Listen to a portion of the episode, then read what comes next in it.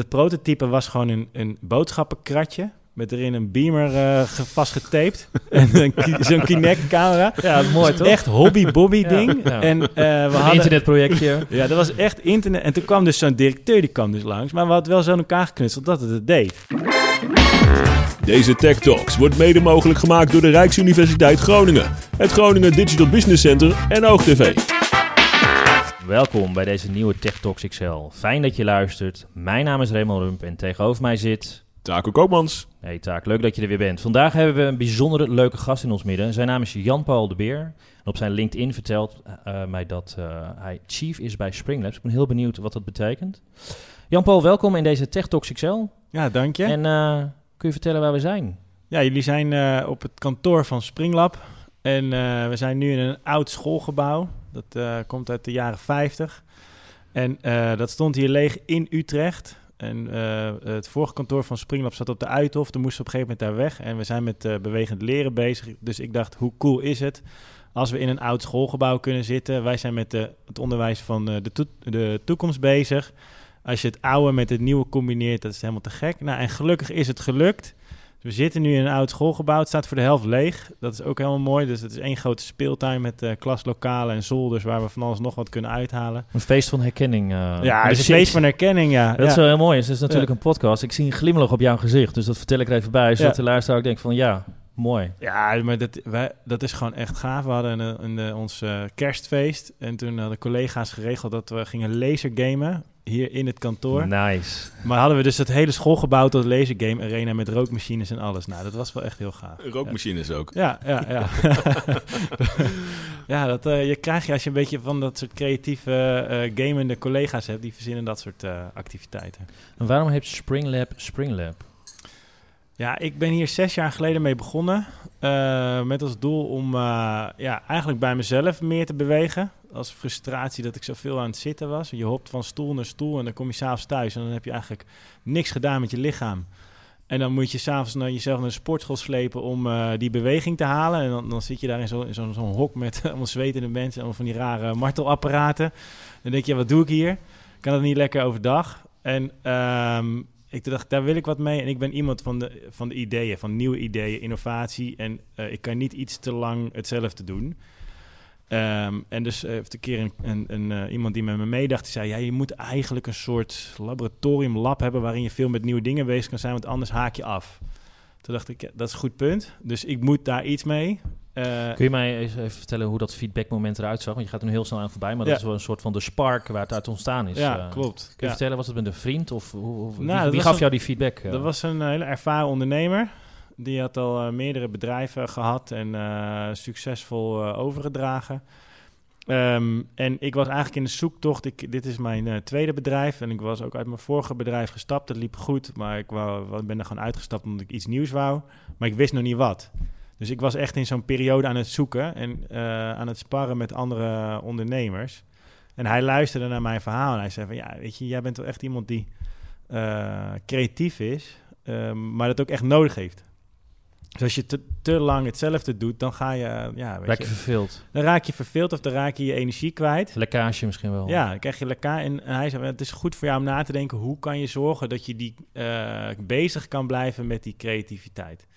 Nou, en dat was voor mij ja, het idee van... Ja, ik moet iets met inderdaad innovatie en een lab. Hè, dus daar komt eigenlijk dat hele lab-idee van...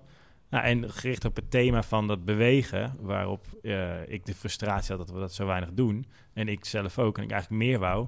En ook zag dat het een maatschappelijk probleem was.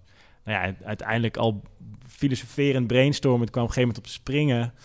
Dat is ook in het Engels, uh, kan je dat goed gebruiken. Maar is lente, maar het is ook wel een springveer, zeg maar, gewoon in het Engels.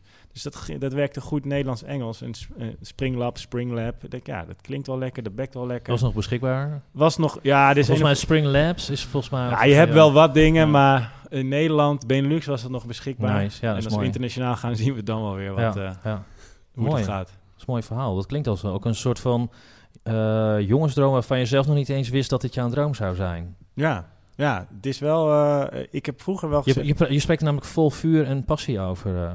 Ja, ja, dank je. Dat is wel echt wat. Uh, dat weet ik nog van eh, een interview tijdens mijn studietijd. Want dat was echt niks voor mij. Ik heb op de universiteit gestudeerd. Nou, ik, dat, ik snapte daar, ik kon Nu gewoon zie niet je gezicht van balen. Ja. What the fuck, eh, ja. Ja, ik, dat was gewoon echt niet mijn manier van leren. Nee. En toen hadden ze me een keer geïnterviewd van... eh, wat zou je later graag willen doen? En ik was toen al met mijn eigen bedrijfje bezig. Ja, ik wil gewoon dingen uitvinden, weet je wel. Hoe oud ben je? 35. 35, oké. En dat vi- vind ik eigenlijk het leukste wat er is. Gewoon dingen uitvinden en dan wel dat er wat mee gebeurt. Ja, en eh, ja, dat ben ik Wat, gewoon wat, voor uit, wat voor uitvinder ben je, zeg maar? Als je, ben je een Einstein, een Willy Wortel? Een, een, een- hè, door, door dingen te proberen, kun je dat omschrijven? Wat voor type uitvinder je bent? Ja, nee, ik ben geen technisch uitvinder. Ik ben echt een, ehm, ja, weet je... Learning is- by doing of zo? Ja, Of learning by doing en eigenlijk het combineren van dingen. Dat zie je heel vaak met innovatie, dat ze bestaande dingen combineren tot iets nieuws. Ja. Dat is eigenlijk wat, eh, wat ik doe, wat ik eh, leuk vind om te doen. Maar dan, een, maar dan wel een beetje creatief, iets creatiefs eraan gekoppeld. Hè. Dus het is een soort koppeling van, eh, van echt ondernemen met een innovatief product, maar dan wel speels en creatief. Het moet wel leuk zijn. Kun je ook, eh, je hebt natuurlijk eh, nu het over jezelf verteld en de naam Springlab. Wat doen jullie eigenlijk? Ja, nou wij hebben als doel om de bewegingsarmoede in Nederland, maar ook internationaal terug te dringen. Tegenwoordig bewegen we allemaal te weinig, wat gezond is voor je lichaam en je geest. Eh, het is heel erg belangrijk om gedurende de dag in beweging te zijn met je lichaam. Het is zo grappig, nu hoor ik een soort van corporate verhaal. Ja, En dat is het ook inderdaad, maar ehm, ehm, als ik weer terug ga naar dat vuurtje, zeg Ja. maar, en dan dezelfde vraag stel, wat doen jullie dan?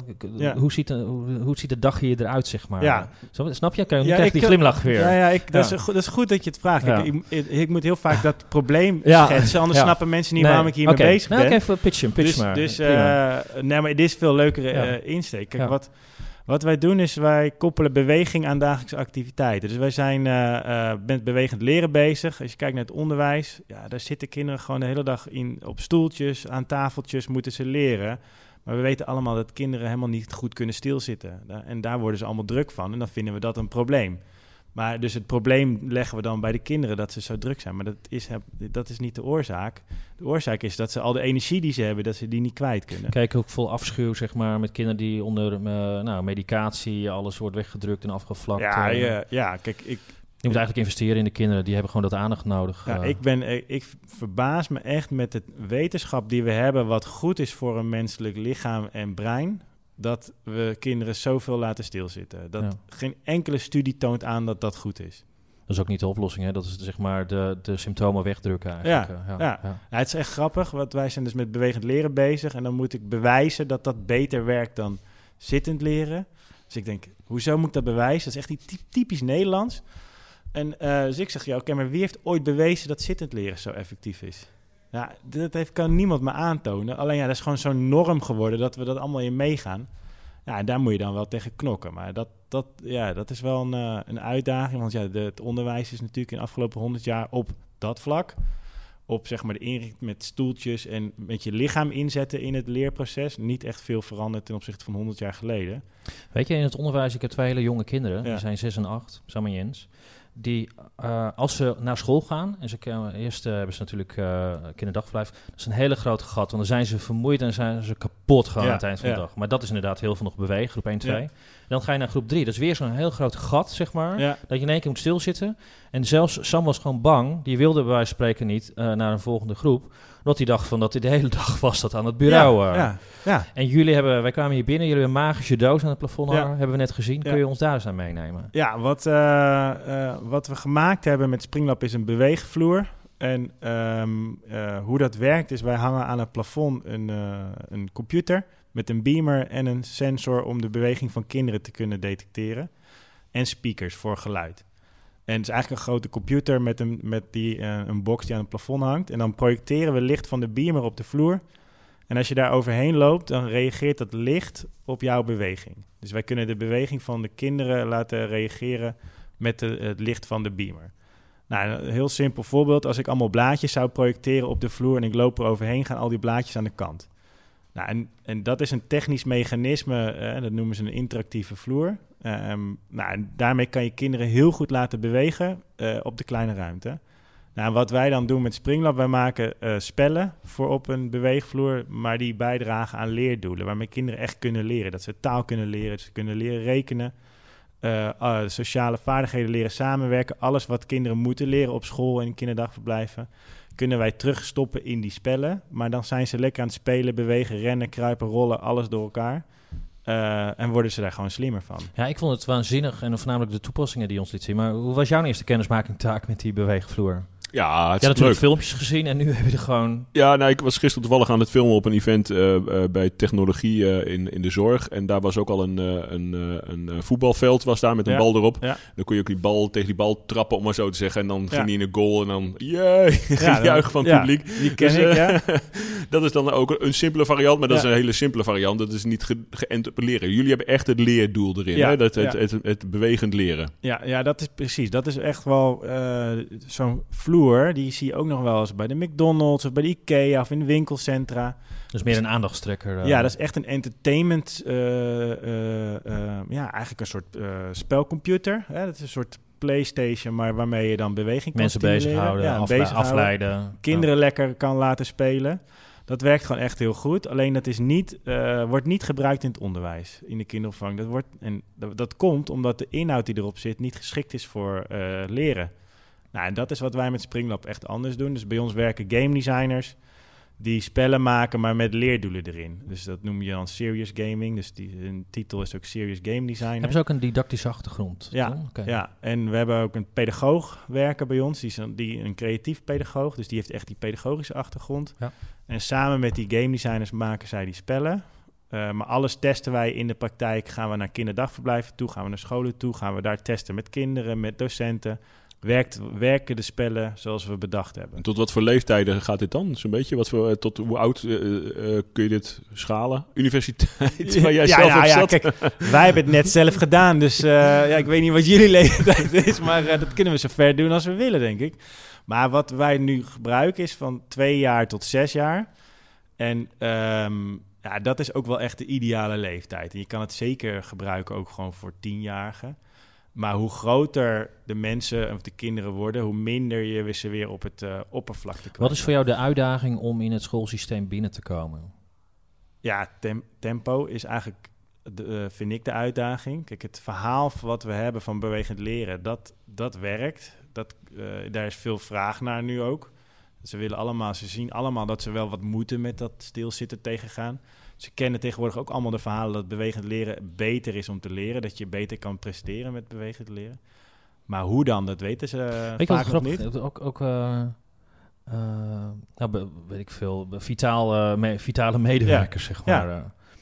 Is, dat is misschien niet jouw markt. Maar nou, nou nee, je, dat wordt er helemaal gek van gemaakt. Uh, en, dat, en dat wordt dan ook omarmd. En dan wordt er echt serieus uh, uitgerold. ja. En dan zie je allemaal stickers op de vloer. En dan ja. al bellend die trap af. Super gevaarlijk natuurlijk, ja. want dan kun je gewoon vallen. Maar wel dat je in beweging komt. Tussen de middag niet zitten, maar gewoon lopen buiten en zo. Ja, die opmerking krijg ik heel vaak van, van managers. Jullie van, doen dat, letterlijk gewoon. Kan, kan, je, kan je naast de kinderen ook de, de, de, gewoon mijn collega's in beweging brengen? wat is jouw antwoord dan? Ik zeg, je kan, maar dan moet je het zelf ook doen. Ja. De, dus dat vind ik altijd te grap. Wij hebben laatst nou een hoofdkantoor van de kinderopvang overvallen met kinderen. Want de grap is, daar op het hoofdkantoor bedenken ze zittend dat kinderen meer moeten bewegen. Ja, bizar is dat, hè? Ja, dit is echt, die staan zo ver van de realiteit dan. Dus dan zijn we met de kinderen, zijn we, zijn we dat... Uh, Gil, ja, daar hadden niks afgesproken. Zijn we hoofdkantoor van Partout. Dat is een van de grootste kinderopvangen van Nederland. Heb je dat ook gecaptured? Ja, het staat, okay. op, staat op YouTube, kan je oh, nice. vinden. Ja, mooi. Zijn we gewoon gaan overvallen en hebben de, de mensen achter kantoor... of uh, de computer weggetrokken... en hebben die kinderen een dansje gedaan met hun en ze in beweging gebracht. Ja, come on, weet je wel. Dat moet je, je moet zelf als volwassene wel het goede voorbeeld geven. Zeker. En uh, dat was nu eenmalig, zeg maar? Ja. Of heeft er nog een follow-up gekregen? Nou ja, we hebben dat online gegooid. En nu staan die andere kinderopvangorganisaties... die staan in de rij. We noemen dat de beweegbende. Wat voor reacties staan onder zo'n filmpje? Ja, die vinden dat helemaal te gek. Ja. Die, die, die snappen, die vinden dat echt... Uh, die snappen dat van... Ja, inderdaad, je hebt gelijk. En... Uh, dat kinderen het voorbeeld geven aan volwassenen, terwijl het eigenlijk anders moet, andersom moet. Die kinderen, die, ja, letterlijk als je het uh, bestudeert, zeg maar, dan, ja. dan, dan weet je ook waar de behoefte is ja. of ligt. Of, ja, toch? Ja, ja. Dus voor je vitale collega moet je ook eigenlijk je collega even bestuderen, of wat bedoel je dat? Nou ja, heel, oude, heel ouderwets is natuurlijk gewoon uh, zo, hè, de natuur bestuderen en hoe het dan werkt en daar iets mee gaan doen. En dat lukt je niet vanaf een computer. Uh, hoe, hoe zou jij je collega's in, in beweging krijgen, Raymond? Nou, uh, wandelen. Krijg je? Ja, jawel, jawel, jawel. ja. Ik heb vroeger uh, bij Essent uh, hebben wij een soort van ingenieursteampje gehad. Dat is een wandelend team, zeg maar. Liepen we het Pieterpad. En wat er dan, uh, dat werd ook verslaglegging. En er ging ook debatleider ging mee. En er werd ook teruggekoppeld in de organisatie. Kreeg je een opdrachtje mee. En een van de dingen die eruit kwamen is, hè, al wandelend... kom je in een hele andere energiefase. Ja, ja. En dan, hè, dan wat er met je lichaam gebeurt is zo bizar je, je, hè, je, je, je geest wordt heel creatief en je komt tot hele mooie dingen. En ook hele mooie resultaten. En je interacteert gewoon met mensen wat je normaal niet doet als je gewoon binnen zou blijven zitten. Ja, dat is echt en, gek. en ja. wat eruit kwam is dat uh, allerlei uh, callcenters die weg waren gesaneerd, die werden op een aantal locaties teruggebracht. Omdat er gewoon mensen behoefte hadden om gewoon met een paparazzen binnen te komen lopen. Omdat een betaling bijvoorbeeld niet lukte of zo. Ja, ja. Dus ja, zo krijg je mensen in beweging letterlijk. Uh, je moet het wel faciliteren. Ja, je Ja. moet het doen. En eh, eh, als wij eh, met personeel van Springlab, dan als ik contractbesprekingen heb of ik heb een één op één gesprek, dan ik altijd wandelend ga ik hier de wijk in. Precies, absoluut. Dat werkt. Oh, dan ben je een uur. een slecht nieuwsgesprek kun je ook beter wandelen. ja, ja, dat heb ik ook gedaan. En daarna snel wegrennen. ja, bizar man. Nee, maar, ja. Ja, maar je maakt echt de connectie gewoon. Dat is, Ja. dat is zo bizar. Ja, ja, toch? Ja, ik kan het niet omschrijven. Nee, maar ik ben het kun met jij- je- Kun jij het omschrijven? Nee, wat maar ik ben het met je eens. Ja, je hebt, het is een, eh, het is, ik weet niet wat, het is een soort veiligere setting wat je creëert buiten als je wandelend bent. Je bent ook in Ehm, beweging, je dus je, lichaam, in- je stofwisseling is anders. Ja, je bent in beweging. Het is, ehm, ja, als je, als je zit, dan eh, is je lichaam eh, inactief. Dus, ja, passief, ja. dus je gaat achteroverleunen, je, wordt, je energie gaat lager. Dus, eh, en ja, dat steekt ook aan naar een ander. Dus als je dus je energie omhoog gaat, gaat de ander er ook makkelijker in mee, waardoor het ook een positievere beleving wordt. En daardoor kan je denk ik makkelijker ook een connectie met iemand anders maken. Zullen er ook studies naar gedaan zijn? Ongetwijfeld. eh. Ja, nou, nou, je nou- weet dat het zo is, maar of er echt heel veel onderzoek naar gedaan is, weet ik eigenlijk niet. Steeds meer. Als je kijkt naar beweging, maar ook bijvoorbeeld bewegend leren, de laatste 30 jaar, in, de, in, in dan het laatste 10 jaar is verviervoudigd het uh, onderzoek daarnaar ten opzichte van de 10 jaar daarvoor. Dus dit thema is, is gigantisch aan het stijgen eh, onder onderzoekers. Ehm, omdat we echt zien wat voor effect dat het op hersenen heeft bijvoorbeeld. Hersenonderzoek is natuurlijk relatief nieuw, wat we kunnen weten over wat impact is, wat, eh, hoe onze hersenen werken. En je ziet gewoon dat bewegen effect heeft op je empathisch vermogen. Het is ook onderhoud aan je lichaam hè? en Ja. aan geest. Het, het aanscherpen en het slijpen van je geest en je lichaam. In plaats van af en toe inderdaad, dat moet je, hè, wat Ja. je zei met die sportschool. Ja. Is nu gewoon dat je, nou, het is gewoon onderdeel geworden van je levensstijl eigenlijk. Dat, ja. Toch, daar, daar zit Ja, ook dat heel is, dat, dat is hoe het, hoe het werkt. Kijk, en en je, je, ehm, je geest moet ook act- geactiveerd worden. Die heeft eh, prikkels nodig, die heeft informatie nodig om goed te kunnen werken en ook zichzelf te ontwikkelen. Ja, dan hoe actiever je lichaam daarin is, hoe, hoe beter dat werkt. En wat ik zelf heel erg interessant vind, als je bedenkt dat je als je iets ervaart door je lichaam heen, blijft dat beter hangen. En dat is eigenlijk de, waarom ik bewegend leren zo interessant vind. Als je met je hele lichaam betrokken bent in het leerproces, Ja. dan, voel, dan gaat het eerst door je lichaam heen en dan naar je geest. En dan, dan voel je ook meer wat je geleerd hebt. En blijft het uiteindelijk ook veel beter hangen. En dat is eigenlijk natuurlijk het gezegde van eh, leren doe je met vallen en opstaan. Maar ja, waarom moet je er altijd bij zitten, weet je wel? Ken je toevallig de brand Oersterk of niet? eh? Nee. Ik ben nee. even zijn naam kwijt, maar wel, eh, hij, heeft, hij heeft afgestudeerd arts. Op een gegeven moment heeft hij ook in de witte jas gewerkt. Op een gegeven moment heeft hij de witte jas gewoon weggegooid. Hij is voor zichzelf begonnen. En hij heeft een hele grote verzameling coaches om zich heen die hij ook opleidt, omdat hij het zelf niet meer aan kan. En wat hij doet is twee dingen. Dus een soort van lifestyle coach. Eh combinatie van bewegen, maar ook de voeding natuurlijk Ja, is een heel belangrijk aspect daarin. En eh daar is hij echt super succesvol mee. eh.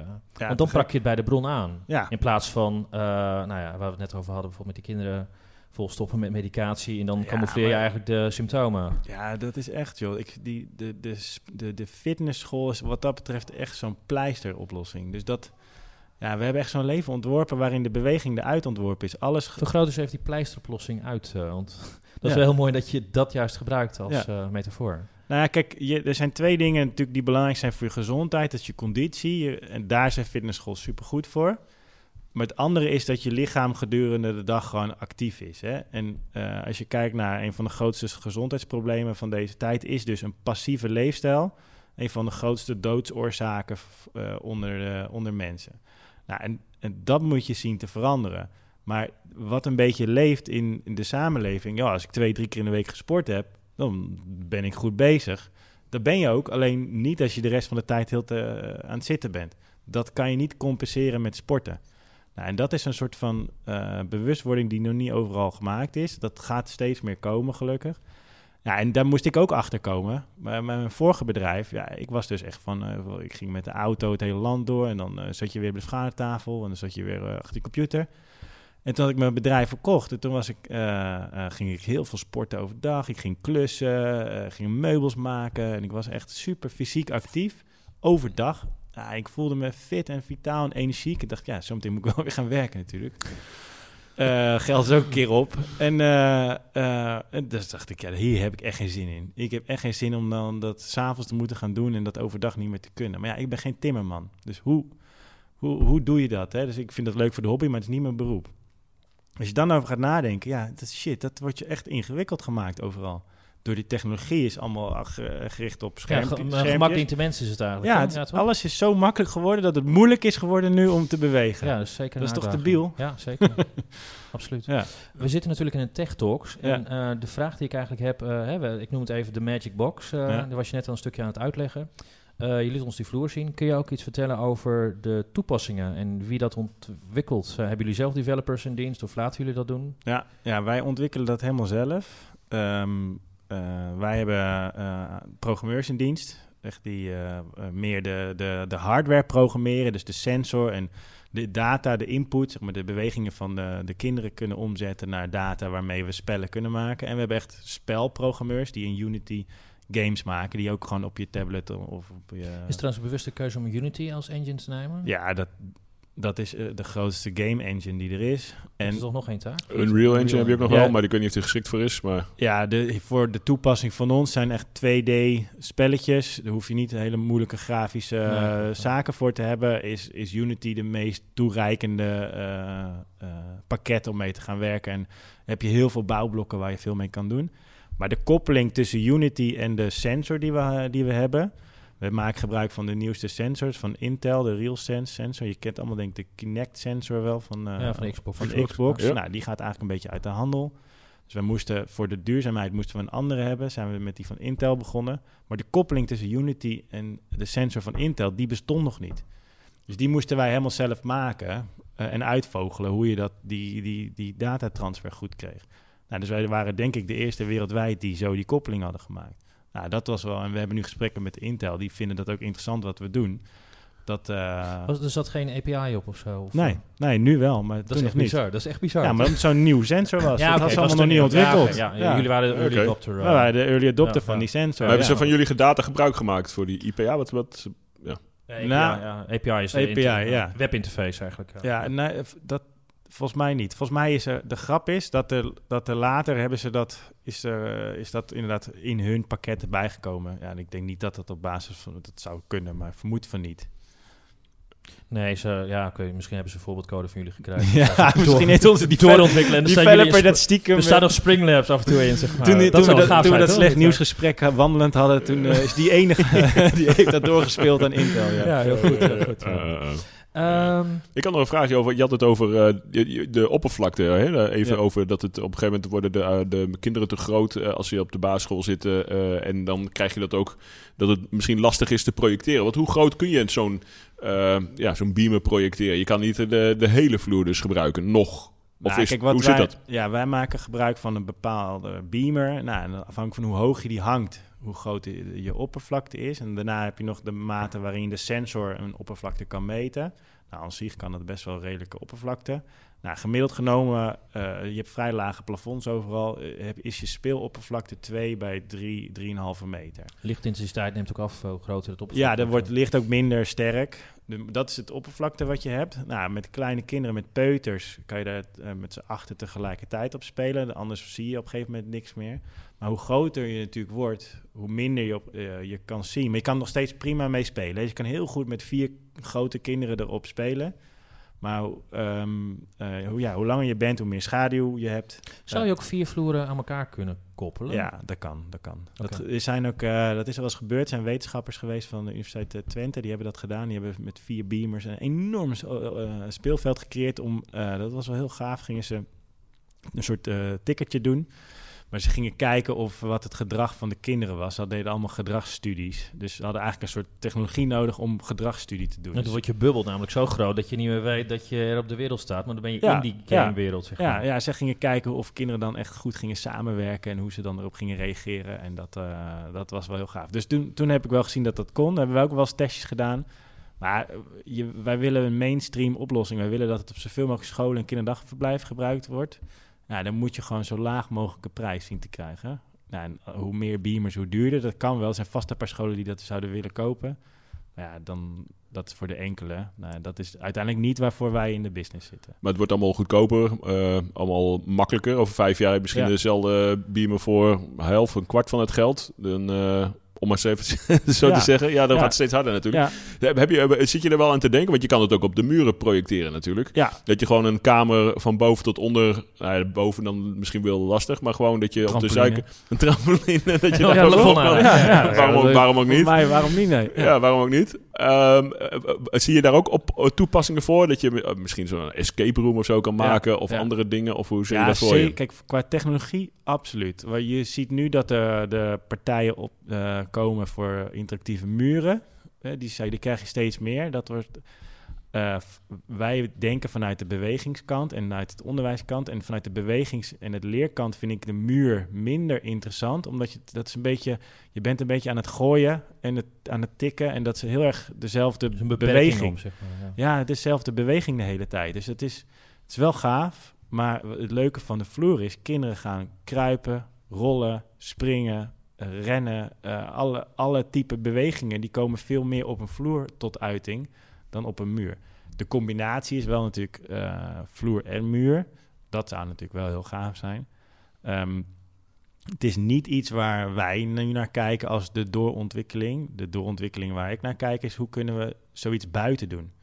Ja, want ik, ik liep gisteren Vertel, in Groningen. trouwens, Toen zag ja. ik eh, reclame geprojecteerd natuurlijk op de vloer. Ja. Volgens mij een brillenwinkel of zo. Ja. Maar dat je interactieve, hè, dat je mensen daar kunt laten interacteren of zo, dat, dat is inderdaad wel heel mooi. Ja, ja. Dat is wat je volgens mij... eh, Ja, en kijk, en ehm, was dat s'avonds? dat 's avonds wel. Ja, kijk, zie je, dan kan natuurlijk met de beamer kan dat op zich prima s'avonds. Maar eh, kinderen zitten overdag op school, dus de, dat werkt niet. Want een beamer buiten, dat, dat is echt, eh dan moet je wel een hele goede hebben. Nee, dit kun je alleen s'avonds toepassen. ja, inderdaad. en dus, dus, maar buiten op het schoolplein heb je veel meer beweegvrijheid dan in een klaslokaal. En dat is echt goed voor kinderen om ze te laten bewegen. Ehm, ja, dus de uitdaging is, wij willen graag dat kinderen buiten gaan leren en daardoor gaan ze veel meer bewegen. Maar we willen wel slimme en gave eh, technologie inzetten. Hoe doe je dat? Nou, dat ben ik nu aan het uitvogelen. Dus we zitten daar midden in, eh, in een innovatietraject om te kijken... wat wordt eigenlijk de nieuwe innovatie van Springlab? Het is Ben je daarin ook dingen aan valideren? Of? Ja, we zijn, ja, we zijn nog niet zo ver dat we echt een pro werkend prototype hebben. Wat, ik heb wel wat al testjes gedaan. Ik heb best wel wat testen. Dat was wel leuk met audiobeleving. Ja. Eh, want audio is natuurlijk heel mobiel. Die kun je overal mee naartoe nemen. Ehm, en wij hebben ook een audiodesigner die voor ons alle, de audio van alle spellen designt. En ja, daar kan je zoveel beleving mee creëren. En als je dus kinderen dus een, bijvoorbeeld een heel piratenthema geeft... en ze zijn met walkie-talkies of ze Ja, hebben mooi man. Ik ze hebben oortjes in dan, en dan gaan ze helemaal wild op het schoolplein. Maar je kan het overal mee naartoe nemen. En dat vind ik echt heel interessant. Krijg je een soort van stille disco. Ja, ja. Dat ja is toch maar hartstikke leuk, toch? dat is super lachen. Ja, maar, dat, dus, maar die kinderen misten daar nog wel visuele feedback in. Dus dat- dat was nog wel... De terugkoppeling was nog weer wat lastiger met audio. Dus ik zoek nog wel een, naar een manier waarmee ik visueel nog een soort terugkoppeling kan geven aan de Kun je eens vertellen hoe dat de innovatietraject, hoe, hoe, ga je dat in? Wat, wat ga je dan, eh, denk je van ja, we, we zijn nu bezig met eh, die, die magische doos en Ja. we moeten verder? Of eh, komt het vanzelf in je op? Of hoe, hoe denk Ja, je het is van, wel een strategische in de doelen? keuze. Ja, oké, ja. Ja, als je kijkt naar, naar ons masterplan. We hebben een masterplan gemaakt van... oké, hoe gaan we het onderwijs veranderen? Dat is uit, naar bewegend leren. Eh, we starten in de kinderopvang. Want daar is het probleem... daar bewegen echt... De 80% van de peuters beweegt al te weinig. Dus daar start het probleem. Eh, plus kinderopvang is ietsje commerciëler dan eh, basisscholen. Kan je wat makkelijker starten. En de leerdoelen zijn het simpelst. Dus de, dit is de makkelijkste case om ook te beginnen. Nou, dat hebben we nu gedaan. Vanuit daar bouwen we ervaring op en bewijslast en een track record. Maken we de stap naar het basisonderwijs. Nou, Wordt dat ook wetenschappelijk onderbouwd? Of Ja. nice. Vertel Ja. verder trouwens. ja. En, eh, en vanuit daar maak je stap naar het basisonderwijs, want dat gaat heel goed. Want die komen allemaal nu naar ons toe, want het kinderdagverblijf zitten veel bij scholen en die kijken van elkaar en die, die Dat horen daar, ja. En dat gebeurt. En dan maken we de stap naar het basisonderwijs. Dat gaan we met de beweegvloer doen voor de kleuters. Maar dan, uiteindelijk, eh, wordt het meest gezeten vanaf groep 3 tot verder. Dus daar willen we uiteindelijk eh, komen tot en met de middelbare school. Want daar zitten ze helemaal lang.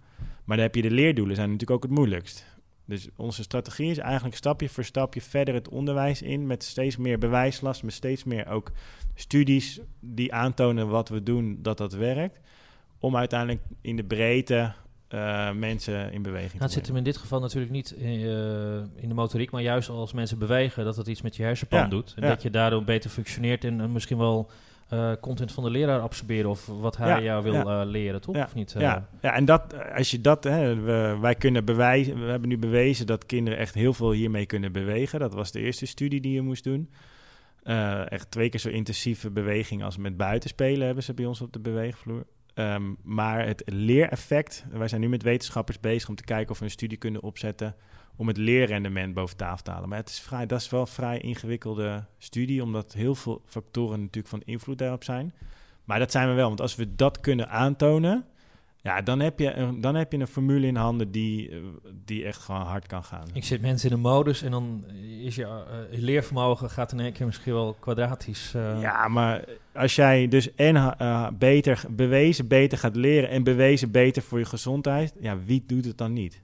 Nee, ik, ik, kijk, we weten allemaal dat het zo Ja, is. Alleen ja. het is heel lastig om dat dan ook aan te tonen. Ja, toch? Niet? ja Eh, dat aantonen want- is heel lastig. je weet in plaats van dat mensen onderuit gezakt in die klas zitten en Ja. denken het zal allemaal wel, hoe laat is het? ja, ja, Weet je dat ze interactief eh, zijn en het hartstikke leuk vinden en een glimlach op hun gezicht staat. En dat de docent ook nog eh, zeg maar jou iets leert op dat moment, zonder dat je eigenlijk weet. Eigenlijk onbewust leren is het misschien wel. Ja, dat, dat is wel het meest mooie. Als je dus gewoon lekker aan het spelen bent of lekker ergens in betrokken bent. Maar daar, word je dus, daar leer je heel veel van en je bent heel erg lekker actief. Dat is het meest ideale. Maar dan ook dat de docent op die manier erbij betrokken is. En dat, jij vroeg toen straks nog, wat is een van die grote uitdagingen? Je moet mensen meekrijgen met dit soort nieuwe dingen. En eh, ja, in het onderwijs, kijk, in de, kinderop, in de kinderopvang helemaal. En daar wordt helemaal geen technologie gebruikt in de kinderopvang. Hè? Dus dat is alleen een tablet, maar that's it. En wij komen nu met in één keer best wel een soort van high. Het is eigenlijk niet echt high-tech, maar voor hun is het wel echt high-tech wat we doen. Hoe ver zijn we van die oprolbare mat vandaan?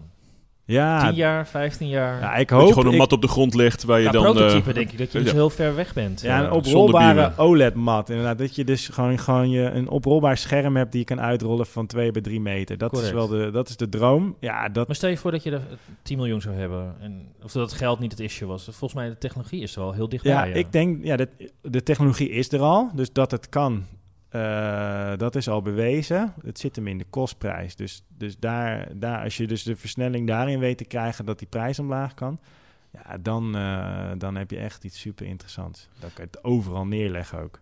Kijk, bij LCD is het natuurlijk al afgevlakt. Je hebt de bodem bereikt. Ja. En tegenwoordig plakken ze twee van die LCD's achter elkaar. Namelijk een zwart-wit en een kleuren. Zodat het, eh, het oplichtende paneel... dat je een betere beeldkwaliteit Ja, krijgt met ja. beeldpunten. Ja. Maar die OLED-technologie, dat is nog lang niet uitgebodemd, zeg maar. Nee. Dus die prijs kan nog heel scherp en heel erg omlaag gaan. Ja, dat denk ik ook. We hebben, we hebben met een aantal techneuten een studie laten doen naar wat is nou voor de toekomst inderdaad de beste oplossing hiervoor. Dat was ook de uitkomst. Uiteindelijk zeiden ze van ja, het meest mooie is dat je dus met OLED kan gaan werken. Dat is qua potentie en in combinatie met tegenwoordig eh, alle sensoren die je hebt, qua druksensoren en noem het op, kan je echt eh, de ideale beweegvloer maken. In de, in de auto had ik het met taken over mooie momenten met betrekking tot jouw beweegvloer. Ja, En toen nam ik het voorbeeld, eh, volgens mij heb je dat eerder gezegd, of ik heb het ergens gelezen, dat een buitenlands meisje dat heel lang niet eh, sprak, in één keer Nederlands begon Ja. te spreken. Kun je ons daarin meenemen of dat het meerdere keren is gebeurd? Ja, ja, ja dat is echt, ehm, eh, dat is echt wel magisch wat, wat, wat zo'n beweegvloer kan doen. Ja, je moet je indenken, je bent een, een, een buitenlands eh, kindje, peuterleeftijd. Dus die komt dan in een kinderdagverblijf. Eh, die, die kan niet verstaan wat zo'n eh, leidster zegt. Die kan niet verstaan wat die peuters tegen je, tegen je zeggen. Ehm, die kan daardoor moeilijk mee in een groep. Als ze dus met leeractiviteiten bezig zijn of dingetjes aan het doen zijn, voorlezen in de kring. Nou, dat begrijpt, dat begrijpt ze dan niet. Eigenlijk Eh, uh, haakt ze volledig af. ja, haakt, ja, je haakt af. En daar, de, de leidsters daar, die hadden moeite om haar eh, mee te krijgen. Totdat we daar met de beweegvloer kwamen. En ehm, dus je, we zetten dat aan en je projecteert natuurlijk een, een heel visueel spel. Maar omdat het zo visueel en intuïtief is voor eh, elk kind, eh, ging ze daarop spelen. Ze, gingen, eh, ze ontdekte doordat het reageerde op wat zij doet, hoe het ongeveer werkte. En eh, ging al ontdekkend daarmee aan de gang. Ehm, en uiteindelijk begon ze zelfs gewoon Nederlands te praten. Want we, we zitten ook audio in, dus je Oh. hoort ook woordjes. Ja. Dus ze zat eigenlijk had ze al best wel veel opgevangen, stiekem. Maar dat kwam er op de een of andere manier niet uit. Maar nu eh, ging ze helemaal, ze, ze, ze bloeide op. Ze ging echt meedoen. Ze voelde zich veilig ook Ze voelde zich veilig, ze was actief en eh, lekker, lekker in de vel. En toen kon ze in één keer praten. En, en, en die leidsters wisten niet wat daar gebeurde, joh. Die waren even stil. Die maar. waren echt op dat moment, ja, die waren toen echt stil. En eh, die hebben het er nog over, ja. Ja, mooi. Dat is een echt mooi verhaal. Ja, dat is echt te gek, ja. Ik heb er ook nog eh, opgeschreven. Ik moet even kijken. De, de Bill eh, en eh, Melinda Gates Foundation. Ja. Ik, ik weet niet even. Voor hadden ze niet een, een soortgelijk concept of idee wat niet gelukt is? Of Nou, dat jullie wilden samenwerken daarmee? Klopt dat? Nou, Of- kijk, je hebt in. eh, dat is natuurlijk een foundation die heel veel dingen stimuleert. En ze hebben één project gestimuleerd in Amerika van een universiteit. die een enorme beweegvloer hebben gemaakt. Van, ja, ik denk wel vijf bij, bij vijf meter.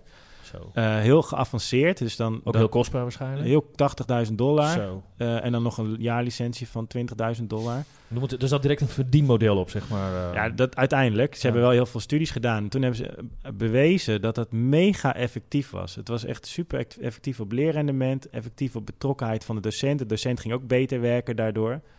Nou, dat echt een super mooie, mooie studieresultaten. Het is vergelijkbaar met onze technologie, maar wel veel geavanceerder en groter. En, en Waar zat het dan dat in dan?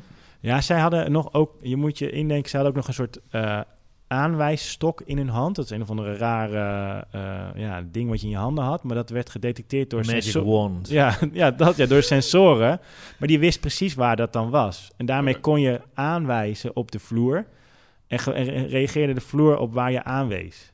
Nou, en zo kon je ook nog eh, allerlei nieuwe e- extra interacties daarmee eh, mee ja. doen. Nou, en dat, dat, is wel, eh, dat is wel hele gave technologie. Ja, en toen ik dat zag, dacht ik... Kijk, dit is, het- hier laat het de kracht zien van de, van de technologie en van de, van de inhoud die je hebt. Maar het gaat mis omdat het te duur en te ingewikkeld is. Hier, Want men moest een, een, een, een jaarfee of een license betalen voor de toepassing of de Ja, software voor of de het platform. software, ja. Ja, en het, en het is gewoon te duur. Het is gewoon te duur en het, wordt- wordt geloof ik op... Het is al tien jaar bezig en het wordt geloof ik op 80 scholen gebruikt. En ja, dat- Ja, maar- maar ze- is het ook niet gebrek aan content misschien? nee, ze hebben best veel content. Oké, ja. Nee, het is, eh, en ik denk ook, het is vanuit de universiteit, heel veel projecten vanuit de universiteit worden niet super commercieel uiteindelijk. eh, Het ziet er altijd niet zo mooi uit en zo. nou, het is, ze missen ook wel de marketing en de sales power, dat zie je ook. Maar, De verpakking is toch ook wel heel belangrijk. ja, en hoe dat het eruit ziet. echt eh. belangrijk, maar ik denk ook dat het gewoon niet. eh, het is nog niet schaalbaar. Het is nog, je moest, er zijn twee dagen bezig om dat hele ding op te bouwen en te installeren. Ja, dat is gewoon te veel gedoe. En hoe, even als je dan terug gaat naar Springlab, hoe lang doen jullie over een volledige installatie? Is ja, een paar uur of zo? Ja, een uurtje. Moet je Uurtje. het aan het plafond ophangen en dan stel je het in. En dan, wij geven nog wel een training van anderhalf uur. Maar ja, dus in 2,5 uur ben je klaar. En dan kan je spelen. En eh, bij ons kost 6000 euro. En dan... Zo, dat is echt een enorm verschil. eh. Ja, ja, het is ook Maar een hoe doe je met software dan? Heb je daar ook licenties op voor dan? Of Ja, niet? Eh, ja, dat we, wel. we Ja, hebben een licentiemodel en dan betaal je per jaar, voor het eerste jaar eh, om het aan te schaffen, heb je 6000 euro. Maar dan krijg je ook een jaar licentie erbij. Als je dan het jaar erop wil verlengen, kost het 1450 euro, inclusief BTW. Die 6000 euro is ook inclusief BTW per jaar. Dus 1450 euro per jaar. Ja. Dat is ook het verdienmodel van, eh, van Springlab. Dus we houden de, de marge op de hardware zo laag mogelijk eh, om het betaalbaar te houden. Ja. Nou, en de droom die ik heb, kijk, dus Bill Gates heeft dit project dus gefund omdat hij daarin gelooft. Anders gaat hij Ja, hij is heel, foundation. ide- heel idealistisch Ja, ja, ja. ook. eh. ja, maar ook in het onderwijs. En toen dacht ik, ja, weet je, hij wil graag wereldproblemen oplossen. Eh, hij heeft nu een soort van oplossing voor een probleem, alleen het is nog niet schaalbaar genoeg. Nou, en die hebben wij wel. Dus nou, hoe gaaf zou het zijn als we ooit eh, dan die eh, Bill Gates Foundation ook eh, Springlab kunnen laten Raymond heeft supporten. zijn telefoonnummer wel, dus je kan Ja. eh Bill even... Ja, toch? Ja, even ik-. Ik dacht al, waar komt die vraag vandaan inderdaad? Nee, hoe, hoe, eh, hè, je leidt je eigen vraag al een beetje in die ik wil stellen. Ja. Hoe, hoe springen jullie zeg maar eh, naar Nederland de wereld in eh, met deze propositie? Ja, dat, dat is nog niet- we zijn er nog niet heel erg mee bezig. Het is leuk, dat triggert mij meteen wel. De, hè, ik wil in Nederland nog eerst dit goed van de grond krijgen, dan naar het buitenland. Maar de tactiek eigenlijk, wat ik merk nu dus met al kan die... ook onderzoeksgedreven zijn, hè? Misschien dat je daar... eh, Ja, nou, ik, dat ze daar meer geïnteresseerd zijn eh, op commerciële basis misschien om daar dedicated onderzoek naar te doen, Ja. wat in Nederland misschien lastig is. Het maakt niet uit even wat de reden Ja, dat zou. Nou, kijk, wat je, je hebt echt zoveel kinderdagverblijven wereldwijd. En je hebt tegenwoordig allemaal ketens, hè, grote ketens, die ook wereldwijd kinderdagverblijven opereren. Dus een, een hele makkelijke stap is dus, wij hebben, een, wij hebben zo'n klant in Nederland die ook gewoon wereldwijd eh, kinderdagverblijven. Dat is een hele makkelijke stap. Dus via hun een soort van je- franchise en dan ja, kan je, naar, het kan je naar het buitenland. Maar wat ik het zelf het interessant vind, is dat verhaal van het buitenlandse kindje. Daarvan testen we eigenlijk in Nederland hoe dus eh, andere culturen met onze content omgaan. En dus zie je eigenlijk al dat het vrij goed kan. En ehm, ik zou eigenlijk willen dat we nog op asielzoekerscentra Ja, komen. inderdaad, AZC's. Ja, kijk maar eens wat ze daar op een dag... de- Die jonge kinderen, die ontwikkelen zich daar een stuk langzamer. Omdat er weinig om handen Heel is. weinig bewegingsvrijheid. Ja, weinig eh, om handen. Ook, Ook, niet fietsen of gewoon... ja, ze kunnen wel buiten spelen, maar ze hebben Dat is allemaal heel beperkt. eh. Qua echt uitdaging en prikkeling, maar ook om de taal goed te leren. Ja, dat is, daar kan nog veel winst behaald maar eerlijk is eerlijk, het is ook al niet een hele inspirerende omgeving. eh. Nee. Die kun jij kunstmatig creëren door Ja. een game Ja. Ja, dat, ik zou, als je daar op veel plekken zit en we laten zien dat dat goed werkt, dan heb je al wel een soort van bewijslast dat we eh, internationaal dit heel goed kunnen toepassen. Ja, en dan, dan is het kwestie van goede distributeurs vinden, denk ik.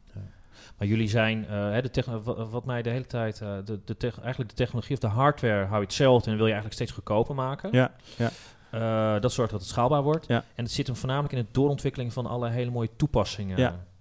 Kun je ons meenemen wa- wat, wa- welke toepassing je het meest trots was? Ja, wat ehm, eh, als je nu kijkt naar de spellen die we maken. We hebben ehm, spellen met ons eigen team gemaakt, maar we hebben ook spellen gemaakt met eh, uitgeverij Zwijzen. Dat is een van de grootste uitgeverijen. Nou, en, en die zijn vrij traditioneel, die uitgeverijen. En die bedenken dus al die boekjes waarmee die kinderen dus zo zittend zitten te leren. Eh, die, die doen het al honderd jaar hetzelfde. met wie had je het eerste gesprek eh, binnen, binnen het Schweizer? Was het Ja, dat de was- directeur of met een Nee, accountmanager? Of hoe nee, werkt met, dat? eh, met eh, de inhoudsdeskundige, dus degene die de methode maakt. Dus daar had ik het eerste gesprek mee. En toen is de directeur bij ons op kantoor langsgekomen toen we nog een prototype hadden. En dat prototype was gewoon een, een boodschappenkratje met erin een beamer eh, ge- vastgetaped. en zo'n Kinect-camera. Ja, mooi toch? Echt hobby-bobby Ja, ding. ja. En eh, we een hadden... internetprojectje. Ja, dat was echt internet. En toen kwam dus zo'n directeur, die kwam dus langs. Maar we hadden wel zo in elkaar geknutseld dat het het deed. Ja. Had je er geen, geen mooie... Aan de buitenkant zag het letterlijk zo jij kartonnen doos ja, omheen, ik, ga, ik kan je Geen- een foto geen- geen laten zien. mooie... Oké, oké. oké. Het was, en, en, maar dat eh, heeft het doen verkopen. Toen zijn zij ingestapt om al hun eigen content te maken. Het kan ook iets moois hebben. Dat je van, nou, het- het- waarschijnlijk kost het ook niet zoveel. eh, hè? dat, Ja, he- dat kan het ook het als spin-off Het hebben. geeft dat garage ge- start-up gevoel. Ja, ja, zeker. Ja, dus dat. Dus dat maar dat is het, wat ik het leuke vind, is dat dat doen ze normaal echt niet, hè? Dus zo'n uitgeverij in zo'n vroege fase van wat iets nog allemaal wat lang niet bewezen is, hebben zij wel echt best wel fors geïnvesteerd om spellen voor hun te maken. Dus voor hun een high-risk uh, project. Dit was echt een hoog risicoproject. Ja. Ja. En eh, op de een of andere manier is het dus ons gelukt ze te overtuigen en daarin mee te gaan. En hebben we, eh, ze hebben de grootste methode voor peuters gem- gemaakt van Nederland. Ja, en daar werken we nu mee samen. En hebben we spellen met hun pedagogen gemaakt. Dat zijn gewoon de, de experts in Nederland.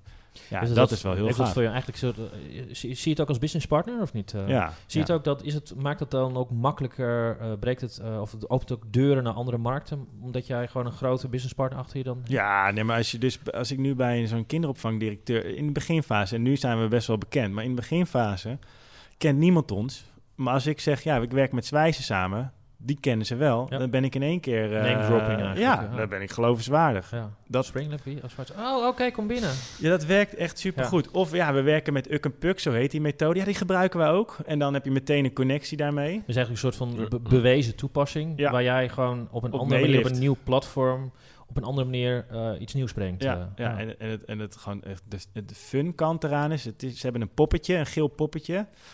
Als eh, figuurtje. En dat is normaal echt gewoon een handpop waar de leidster eh, eh, dingen mee doet. Die hebben wij nu digitaal en eh, geanimeerd en helemaal interactief gemaakt. Die pop komt tot leven. Die komt tot leven. En die kinderen die gaan echt helemaal los op die pop. omdat Ja, ze ja, die gewoon op de vloer zien. Dat vinden ze helemaal vet. Ja, Ja, dat is ja, echt ja, leuk. Ja. Cool. Ja, mooi. Hey, ik vroeg me af of jullie... eh, kijk, jullie hebben nou een beamer eh, wat je gebruik van maken. Je hebt nog met audio zijn jullie bezig. Eh, want het bewegend, daar gaat het om, bewegend leren. Wat, Ja. wat, wat is jullie toekomstnaam? Eh, stel, eh, komt er nog wat anders dan een beamer? Krijgen we nog andere dingen te zien? Wat, wat, wat, wat vind jij nog interessant? Ja, ik, kijk, wat, wa- wat nog dingen zijn die interessant is, AR is natuurlijk voor beweging. Hè? Dus stel dat je- een goede, makkelijke, lichte bril hebt, dat als je gaat rennen, dat die niet van je neus valt en niet gaat zweten. Dan is dat super interessant. Want dan kan je een ander nog aankijken. VR vind ik niet zo heel, vanuit onze kant, niet zo heel, heel interessant, omdat Je sluit je af voor de je sluit je af. En wij, rondom leren is de sociale kant heel belangrijk. Ik weet niet, heb je wel eens die, eh, die Beat Saber gespeeld? Dat is wel Ja, lekker, eh, is lekker actief is dat. Dan heb je zo'n li- lightsaber Ja, ja, ja. ding en dan moet je eh, blokjes houden door elkaar. Zeker Als je dat met rekenen iets kan doen of zoiets, maar Ja. hartstikke actief. Nee, Op de maat van de muziek. Maar goed, dat is weer een eens, ander verhaal. eens, maar dat, je dat sluit moet je af, daar ben ik met je eens. Dat moet je doen, maar dan met AR. Dus dat je dus eh, dat nog bij de ander kan zien. Dus dat je dat nog met elkaar kan doen. Nou, en dan, dan, is het, eh, dan past die beter nog in onderwijsdoelstellingen. Dus de, ja, dat, daar zie ik wel gewoon hele mooie toepassingen, maar nog, voorlopig nog niet. Ik zie dat nog, dat vind ik nog een beetje Dat is echt nog wat verder weg voor jullie. eh. ja, voor de praktijk. Voor Ja. ons niet, maar voor de Nou docenten. Ja, ja, ja. ja. Als je kijkt naar hè, de technologieadaptatie eh, in Nederland is natuurlijk heel hoog gewoon bij de jeugd en bij met alle dingen die we doen. Maar als je kijkt naar gewoon onderwijs, ja, de, de, de adaptatie is allemaal niet zo hoog. En eh, de mensen die daar voor de klas staan, het is niet dat, dat ze nou allemaal eh wiskids zijn en eh, daar eh, heel erg mee bedreven zijn. De, Ja, het daar- is zelfs soms andersom, hè, dat, die, dat die leerlingen of die studenten, Ja. heb ik het dan even over, die weten waarschijnlijk beter die, die leraar Ja, of die docent ja. voor in de klas uit te leggen hoe het daadwerkelijk zit. ja, ja, dat Ja. is echt een van de grote, grote Het is ook lastig voor die studenten, of voor die docenten trouwens, om gewoon überhaupt altijd maar actueel te zijn. Hè? Dus Het is ook moeilijk. Ja. En het is ook, ehm, ik vind wel, het belangrijk om je erin te verdiepen. Hè? Dus ik heb best wel veel discussie met pedagogen. En ehm, die, die, eh, soms zijn ze echt gewoon, willen ze niet met Springlab verder. Eh, en dan vraag ik door, want ik wil gewoon weten waarom niet. En dan, de, dan komen ze er niet goed uit van wat de argumentatie is. En dan weet ik gewoon, dat zit hem in dat ze tegen technologie zijn. Ja. En er is heel erg sentiment natuurlijk in de samenleving ook wel dat ze tegen technologie zijn. En ik zeg, ja, maar waarom dan? Ja, maar hoe technologisch is het, weet je? Nee, maar wa- waarom ben je daarop tegen? En wat is de. En dan is is spannend en eng, denk ik. Of, ja, of ze zitten te veel achter de computer, weet je wel. Dat is, dat is slecht voor ze. Schermpjes. En nog ja. meer schermpjes, dat is niet goed. Nee, wij zijn verkeerde van associatie eigenlijk. Ja, hè? het is een verkeerde. as- En, maar die is in het onderwijs is heel interessant. Dus de technologie heeft een associatie van. eh, Je kan hier, dat is niet goed voor kinderen. Als je met een beamer komt, denken ze van, nou, dan komt hij eh, daar Netflix op afspelen. Ja. Ja, Ja, toch? Niet? Zo simpel is ja, het dat zeggen ze, is weer een scherm. Ja, ik zeg, ja, ik zeg ja, dat kan als je er zo naar kijkt. Maar als je kijkt wat de voordelen van zijn ten opzichte van het passief leren en wat we nu doen met die kinderen, ja, is dat gigantisch voordeel. Maar je kunt het wel heel mooi. Ik, ja, je hebt een waanzinnig mooi. In de zin van.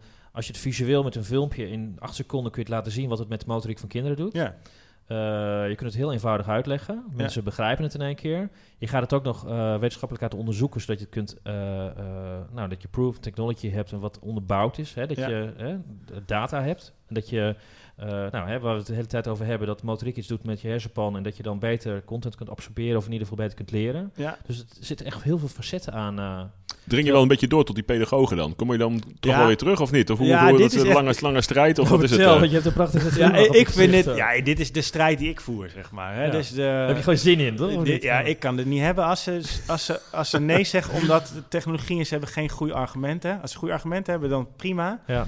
Maar, maar de grap is, want ze zijn, die pedagogen zijn voor ontdekkend leren. Dus dat kinderen nieuwe dingen gaan ontdekken. En dat ze dus bijvoorbeeld met een stok, dat ze hele fantasieën bedenken bij een stok. Wat ik eh, vooral aanjaag. Maar hoezo kan dat niet met technologie? Daar kan je eigenlijk nog meer in ontdekken dan in een stok. Alleen dat snappen ze niet. En dat, zij ontdekken zelf niet dat die, eh, eh, de nieuwe technologie. Dus dan daag ik ze uit. Ja, als je van ontdekkend leren bent, moet je ook zorgen dat je technologie gaat ontdekken. Ja, op zich bij technologie is wel dat je, je fantasie wordt, niet, wordt geprikkeld in zoverre. Kijk, met de stok kun je bedenken dat het een lightsaber is en dat je Ja. Darth... Nou, bij wijze van spreken, man. Ja. Even mijn eigen fantasie ja, erop loslaten. ja, dat is zeker. Nee, maar dat, dat heb je met... eh, als het, bij jou is het voorgeprogrammeerd, bij wijze van spreken. Je, bij jou Ja. heb je de blaadjes die... Om even... Ja, nou nee, maar kijk, goed, dat, dat, dat, zo zien ze dat. Kijk, en als je kinderen op de vloer ziet, Ja. die verzinnen weer heel, die gaan in die belevingswereld mee. Ja, die ja, verzinnen hele verhalen rondom die, ah, rondom ja, die ja. vloer en wat daar gebeurt. Maar heel zijn eerlijk, ongefilterd, hè? dus die, die Een hebben een is- eigen fantasie daarbij. ja. ja, die hebben allemaal fantasie erbij. Maar een stok is dat ook. Een- Ja. een- dus dat is... Heeft ook zijn beperkingen. Ja, stok. het heeft allemaal zijn beperkingen. ja, sorry, maar je moet... Je, je, je, dat, ja, daar kan je een paar dingen mee. Maar met als een iets interactiefs technologie- technologisch is... ga maar eens bedenken wat je er allemaal nog meer mee kan. En kinderen kunnen dat heel goed. Ja, en Ja, die ad- de, adaptie, de adaptatie daarvan is heel Ja, groot inderdaad. Ja, kijk, en, eh, en als ze dan te lang eh, erin gezogen zijn en ze hebben niet meer door wat ze doen, oké, dat moet je niet hebben. Maar dat. dat eh, Hoe werkt dat eigenlijk? Is dat met mate? Dus zo- staat zo'n vloer de hele dag aan? Of, of- nee, het is, je, kinderen zijn eh, max drie kwartier ermee aan het spelen. Ja. Maar dan echt hoog betrokken. En daardoor werkt het juist goed en krijgen we wel Ja. veel mensen mee. Want peuters zijn normaal tien minuten ergens mee betrokken. Dan zijn ze echt al afgehaakt. Ja, ja. Eh, Ik had nog een vraagje over überhaupt. Hoe, hoe, hoe, doe je dat gamification eh, in het leren? Hoe, hoe verwerk je dat een beetje? Hoe- Je hebt de pedagogen voor, zei je wel, maar bedenk je de hele strategieën voor? Of hoe moet ik dat zien? Eh, Hoe, hoe trek je dat mooi bij elkaar? Ja, kijk, de, de, wij werken echt met eh series game designers. Dus echt gewoon met game designers, echt spelprincipes. We hebben een aantal eh, kernpunten waarop wij eh, eh, ontwerpen. Geen competitie. Je kan niet winnen. Het- je kan dingen zeg maar uitproberen en je kan het overnieuw doen. Je kan het oefenen, je- zodat je gewoon kan, eigenlijk kan vallen en opstaan en aldoende kan leren hoe iets Je werkt. hebt nooit eindbazen die je moet verslaan. Nee, je hebt geen eindbazen. Dat, al, dat soort dingen doen we echt allemaal niet. Ehm, eh, we proberen vrijheid te geven van keuzes voor kinderen. Eh, ehm, maar we, we geven ook wel bepaalde richting, zodat ze naar iets toewerken wat ze nodig hebben om, eh, om te leren. Ehm, ja, en dan proberen we eigenlijk het gewoon zo speels mogelijk te houden. Dus zo min mogelijk regels en zo speels mogelijk om, eh, om te kunnen gaan ontdekken. Nou, dan moet je een truc zien te vinden dat kinderen daar lang mee betrokken zijn. En dat is wat zo'n game designer echt perfect kan. Ja, want ik, eh, als je wat verder kijkt in de toekomst, bijvoorbeeld eh, dat voor ou- ouder onderwijs, hè? dat, Ja. eh, nou ja, misschien eh, H- HAVO of andere. Hoe zou, hoe zou je dat, is dat, is dat ook daar geschikt voor? Ehm, Nederlandse zinnen, het persoonlijke voornaamwoord ontze- Ja. ontleden of zoiets in, in een spelletje of Rekenen. rekenen of wortels, de Ja, a kwadraat maar- is b kwadraat plus c kwadraat. Hoe, hoe krijg je, zou je dat kunnen gamification? Zie je daar toekomst voor? Ja, net, ja, kijk, wij maar wat, wat ik weet, je kan echt alles een spel van maken. Dat, dat, dus daar ben ik van heilig van overtuigd. Hè, daar heb je creativiteit en gewoon een designproces voor. Dat kan. Dus ehm, je hebt ook management games voor volwassenen die heel goed werken en allerlei eh, eh, mensen eh, trainen om dingen te, zich te ontwikkelen. Dus dat kan het voor jongeren kan dat ook absoluut. En ehm, eh, de uitdaging is die bewegingskant met jongeren. Die hebben natuurlijk andere interesses. En die leerdoelen zijn inderdaad best wel ingewikkeld. Hoe je ze dan...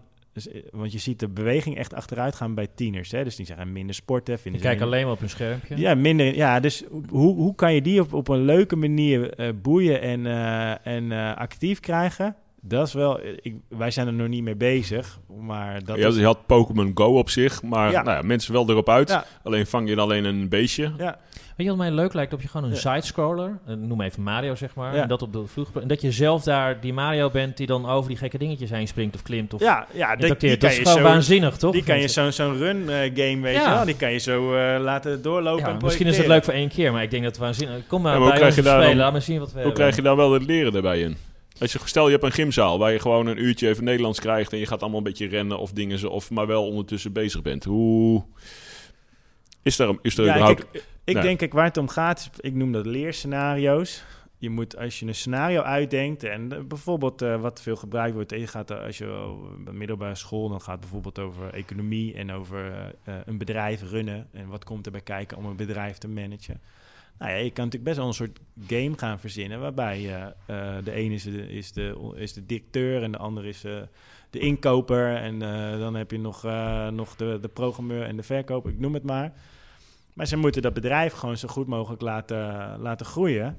Ja, en als je dat groots over een speelveld uitzet en projecteert... en dan ehm, ehm, moet je klanten zien te veroveren... en als speels... Eigenlijk een soort van bordspel. Ja, kun je al aan een bordspel, sales moet je proberen die klanten binnen te halen. Ja, dat, ja, ik heb nu natuurlijk niet 1, 2, 3 het idee, maar ik zie wel voor me dat je van allerlei scenario's kan Ja, bedenken. Monopoly natuurlijk, eh, hotels exploiteren en Ja, eh, weet ik maar ja, of, eh, gevangenis in, huppakee. ja, of, of klantenservice, hè? dus dat, dat je hele vervelende mensen, maar die kan je helemaal beeldend maken. Gewoon heel vervelend dametje die, die alleen maar loopt te zeuren de hele tijd. Maar die zie je ook lopen en die, die, die komt klagen bij jou. En die moet je zien te overtuigen. En moet je misschien met elementen dingen aanbieden om te kijken of je diegene van een negatieve naar een positieve ervaring kan bieden. Ja, daar kan je natuurlijk echt wel wat op verzinnen. Ja, weet je had het net over die 100 jaar dat we al in een stoel zitten te leren. Ja. Hoe lang duurt het nog voordat we uit die stoel zijn, Jan-Paul? Ja, als het aan mij ligt, eh, niet lang natuurlijk. Ehm, eh, ik, dat is wel zeg maar een van eh, de dingen. Ik wil echt altijd sneller dan dat het kan in, de, in de realiteit. Ehm, maar ik hoop toch echt wel dat we over vijf jaar de, het, het beetje een momentum hebben gecreëerd van het gevoel dat mensen het idee hebben: hé, hey, er verandert wat in het onderwijs. Dat zou ik wel echt heel gaaf vinden. Dat het dan op overal helemaal eh, structureel, dat denk ik niet, want dat, zo snel gaat het echt niet. Maar de, als, je, als we dat tipping point hebben, dan, dan, dan gaat het de goede kant op daarna. Maar nu is het nog een beetje een soort van dat eh, het is hip, maar eh, over volgend jaar is er weer iets anders hip. Dat, daar moeten we vanaf, zeg maar. Het moet wel echt eh, eh, door gaan zetten.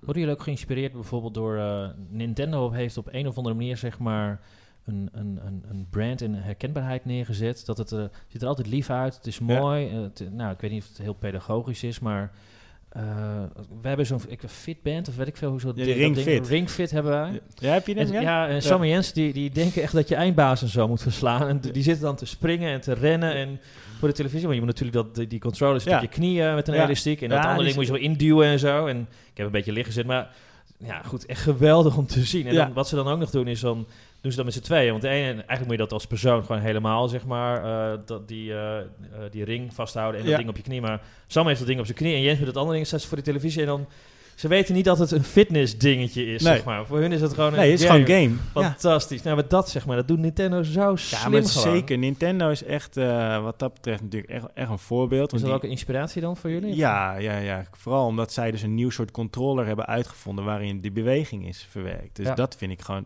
dat is ook een beetje ons vakgebied. Ik zie ik, wat de beweegvloer is eigenlijk een spelcontroller, maar dan voor eh, serieuze doeleinden, voor Ja. leerdoeleinden en beweegdoeleinden. Ja.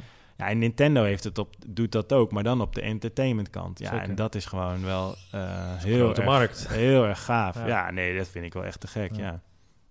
Ehm, jullie eh heten Lab, Spring Ja. Lab, dus een experimenteeromgeving. Er gaan ook dingen wel eens mis, zeg maar. En daar kun je weer van leren en dan weer Ja. dingen beter maken. Ja. Wat voor dingetjes eh, gaan ook wel eens, zeg maar, niet zoals je had verwacht? eh? Nou, de, ehm, kijk, je moet een product ontwikkelen, dan moet je hem vervolgens lanceren en op de markt brengen. Ehm, en dat ontwikkelen kost heel veel geld. En, dat voordat je, eh, en dan moet je op de markt brengen, kost alleen maar geld. Voordat je in één keer heel veel klanten hebt en genoeg geld verdient. Dus dan heb je moet dus eerst heel veel investeren. Nou, en dat betekent, je, hebt dan een investerings... eh, we hebben investeerders en dan heb je maar een bepaalde tijd om iets te doen. Dus wij, je moet heel snel ontwikkelen en ook snel... Hè, de, de- we hebben dan een beta-product op de markt gebracht, want anders gaat het te langzaam. Dus wij eh, gingen, dat was eh, eind eh, 2018, gingen we live met de eerste beta van de beweegvloer. Eh was echt s'avonds, eh RTL Nieuws kwam filmen. S'avonds waren we RTL Nieuwsjournaal. Het ging echt helemaal, eh, helemaal los. Maar je wil niet weten hoe dat ding eh, in elkaar eh, geknutseld zat. We, zaten, we hielden ons hart vast, want we hebben echt die week daarvoor eh, eh, de ene bug naar de andere bug gehad. Het liep helemaal vast. We dachten, dit, dit, dit lukt echt niet. Iedereen moest in het weekend werken om het aan de praat te krijgen. Op moment suprem eh, deed hij het. Dus we waren helemaal blij. We hadden echt enorme stress. Daarna kregen we allemaal aanvragen, gingen we uitrollen. Dus wij denken, oké, nu gaat het lopen, nu gaat het goed. Ehm, en toen, wij bedienen de beweegvloer met een tablet. En die maakt in eerste instantie verbinding met Bluetooth, met die, eh, met die kast. Ja, en eh, dat ging op een gegeven moment helemaal mis. De, die tablet die verloor op een gegeven moment zijn verbinding. Dus we hadden 30 klanten. En die, alle 30 belden ze op, dat ding doet het niet meer. Omdat ze te ver weg stonden? Nou ja, ik weet even, er was een Verstoring, storing, ja, de metaal, er zit een metalen eh, kap op, wat is verstoord. En, nou, er waren een paar dingen, het was te onbetrouwbaar. En Het ja, was toch een beta of een alpha? ja, dat was wel beta, maar dat was wel, eh, dat wil je niet. Dus wij moesten, oké, shit, we zijn gelaunched eh, op tv, weet je wel. Dus iedereen zit nu te, eh, wil het nu hebben. Je had maar- handen tekort, zeg maar. ja, en dan doet hij het niet lekker. Nou, dan eh, zit je wat te stressen. Dus hebben we als een malle hebben we, eh, moeten ombouwen. Eh, hebben we gelukkig een oplossing gevonden door het met wifi te verbinden. Ja. We moesten al die kasten van onze wifi-dongel erin geknald krijgen. Ja, ja, ja. Moesten we hardware gaan toevoegen. Eh, en softwarematig dat maken. Ja, en de, dat heeft wel echt eh, een boel stress, een boel geld. En, Heel eh, eerlijk, hè? zoals je het beschrijft, zo heeft Steve Jobs ook zijn iPhone. Hij had drie, vier van die iPhones en Ja. op elke telefoon had een toepassing die werkte. Ja. Maar allemaal tegelijkertijd op één telefoon, dan crashte de hele boel, zeg maar. Ja. Ja. Dus ja, toch? Ja, Dat dit is echt... Alleen ik- hij, hij vond het zelf niet spannend. Alleen die gasten die achter ja, de boel moesten verzorgen dat het bleef werken, die vonden het te gereden spannend. Ja, maar ik, ik, ik wist ook van, dit, dit zo werkt het, weet je wel. Je, moet, je moet gewoon de markt op. Je, eh, het enige wat je kan doen, je, je moet twee dingen doen. Dat was, dat was, was mijn filosofie. We moeten als malle naar de oplossing zoeken. Want we weten dat het fout gaat. Maar als we weten, dan moeten we als een malle erna aan werken. En we moeten de beste service verlenen die je maar kan verlenen. Want eh, je moet je klanten in deze fase warm houden. En het zijn allemaal ketens. Met, Allemaal ambassadeurs ook voor je. ja, hè? want ze, ze hebben nu één beweegvloer of twee, maar ze hebben 400 locaties. Dus ja, als het daar niet goed gaat, dan gaan ze nooit naar die 400. Ja, dus dit moet goed gaan. Dus we hebben, zijn allemaal binnen 24 uur hadden we het probleem opgelost. Waren we op locatie als het nodig was. En, eh, en we staan nu echt bekend om onze service. Dus dat hebben we echt omgebouwd tot een eh, unique selling point. Maar dat moet je wel doen. En je moet er ook tegen kunnen hoor, tegen die. Maar Heb je hou- zelf al ergens staan knutselen met een wifi-dungel toen, of niet? Of, eh, ja, ik heb dat dingen moeten doen. En eh, nou, ik was van de week bij een locatie, dat was ook leuk. Eh, ging ik gewoon, dan doe ik af en toe gewoon eh, van die mystery visits. Ga ik eens even kijken hoe het dan daar... Of het ook echt gebruikt wordt. ja, of het echt gebruikt wordt. En, hoe het- en toen kwam ik daar en toen hadden ze een blauw scherm. En ik zei, en ja, je doet het niet. Ik zeg, eh, oké, ja, we wouden alvast gaan bellen. Ik zei, nou, ik zal eens even kijken wat, eh, wat er aan de hand is. Had, was niks aan de hand. Dus je kan de, de beweegvloer aanzetten met je tablet en uitzetten met je tablet. Maar feitelijk blijft de computer aanstaan. Maar er zit een knopje op die kast zelf. Die hoef je helemaal niet te gebruiken. Dat is alleen maar voor een storing of iets om even aan en uit te zetten. Maar er is één medewerker daar. Die doet dat dus elke keer dat ding aan en uit daarmee. Maar dat weet de rest niet. En daarna kan je het met die tablet niet meer eh, eh, aan en uitzetten. Als je dat ding niet aanzet. Want hij staat gewoon uit, die computer. ja. Dus die computer stond gewoon uit. Ja, dat is wel echt wel eh, een ding wat je denkt van... Dus moest ik gewoon zelf daar, zit ik dat ding even weer te fixen voor ze. En dan eh, kunnen ze weer verder. Welk Plakketje eroverheen, niet uitzetten. Ja. En dan... eh, ja, dat soort Joh, ze we hebben dingen meegemaakt dat ze dachten dat... We leggen er een witte mat onder, dat is een vinyl mat... zodat je de beamer-projectie het beste tot zijn recht komt. Nou, dan vragen we ze van, wil je... Ja, dan hadden ze een keer een storingsmelding. Wil je even dat ding aan en uitzetten? En toen pakten ze die mat op. Zitten ze, ja, ik zie geen knop op die mat zitten.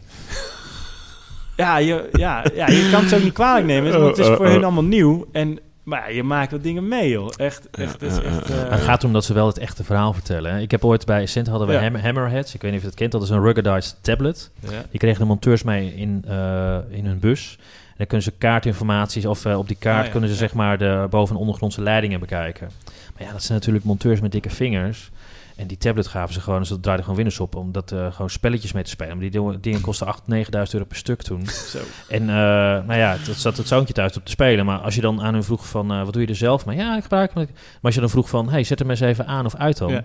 Nee, maar hoor, dit- absoluut Maar niet. daar doe ik die absoluut niet. Daarom doe ik die visits dus. Uh, Want uh, uh. echt, joh, je, als je ze spreekt, dan zijn ze helemaal happy. En dan... eh, Precies, je moet even de, je doorvragen. moet wel echt door. en laat maar eens even zien dan hoe dat werkt. Ja, eh. ja, En, en wat, ik, wat wij nog wel willen doen, is dat we onze beweegvloeren met, eh, met een privéverbinding met onze server verbinden. Zodat we op afstand kunnen updaten, maar ook data kunnen uitlezen. En dan kan ik dus gewoon zien of het gebruikt wordt of niet. Het Tesla-model. Ja, maar als het dus, als het dus dan gewoon eh, lang stilstaat, ja, dan kunnen we gewoon even bellen en vragen of, of, of we ze kunnen helpen. Of er wat aan de hand is. Ja, dat is wel. Hoe ben je op het idee trouwens gekomen van die, van die mystery visits? Dat je zo even gaat kijken, trouwens. Ja, ehm, dat is een goede vraag. Wat de ehm, één, het, één reden is om te zien wat het effect van je werk is. Hè, wij Ja. zitten hier op kantoor en we hebben nu meer dan 100 locaties. Maar je, je hebt geen idee hoe die kinderen reageren.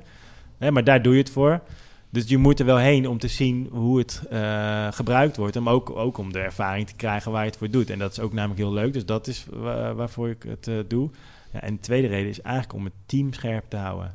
Om dus...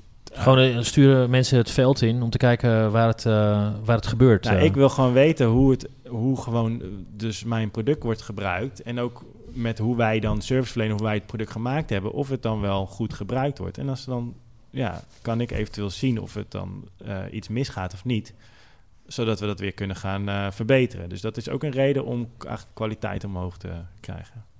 Ja. Ja, bovendien is mystery natuurlijk dat het van tevoren allemaal niet eh gefaked wordt. eh, dat het allemaal, nee, we gebruiken regelmatig. Dan hebben ze net aangezet, ze weten dat je eraan komt. Ja. eh. Ja, maar dat moet je niet hebben, nee. Nee. En eh, dat remote uitlezen, doe, doe je dan met een 4G eh, iets? Ja. Of hoe doen jullie dat? ja, het, het, het idee is, ehm eh, daar gaan we binnenkort mee starten om een test te doen met een 4G-dongel. 5G, 4G.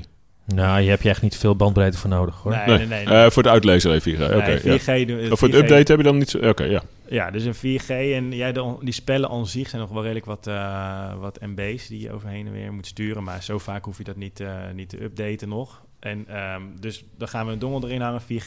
Die ver- verbind je met je eigen beveiligde server. Ja, en dan kunnen we op afstand eh, updaten en alles uitlezen. Oh, dat is in één keer een smart IoT-device, zeg maar. ja, Dan dat wordt, dat connectivity met het internet. ja, eh. ja, en dat is interessant, want ehm, eh, bijvoorbeeld heel veel onderzoek, hè, wetenschappelijk onderzoek, daar willen ze grote datasets hebben.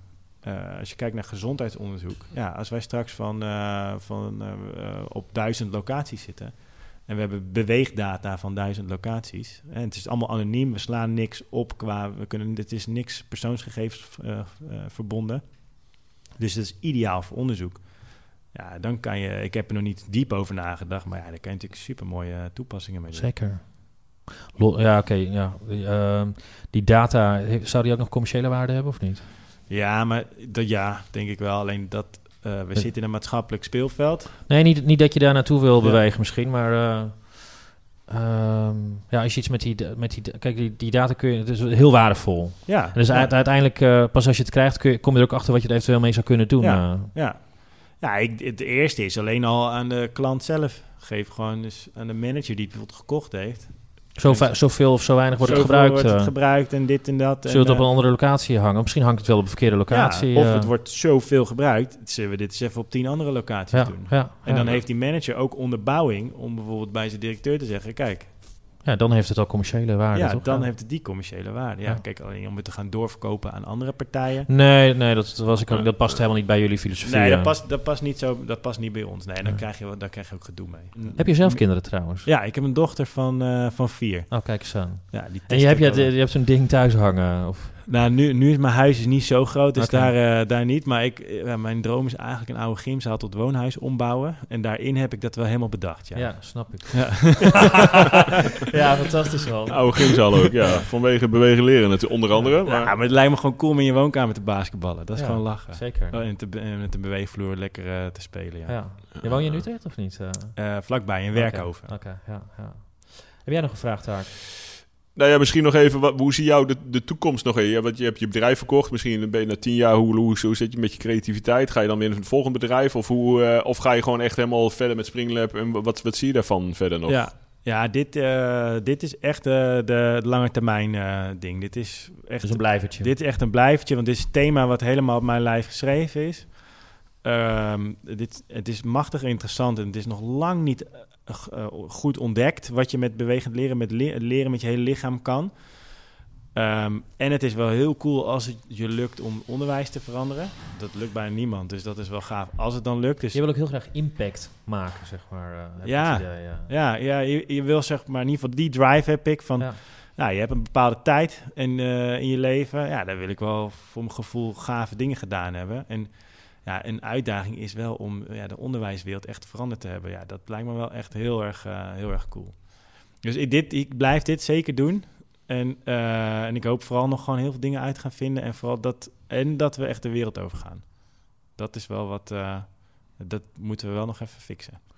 Lijkt me ook een eh, mooie afsluiter, toch? Taak, Is zeker eh? een mooi afsluiten. Nee, Jan-Paul, ik wil jou echt hartelijk danken voor eh, dat wij in jouw wereld mochten kennismaken met allemaal fantastische dingen. Ja, graag gedaan. En ehm, ja, echt, ik vond het een heel fijn huiskamergesprek. Dankjewel. Ja, nou, jullie bedankt. En eh, ja, wie weet zien we elkaar nog. Ja. Al de, bewegend. de eindtune. Tukkedoekedoen.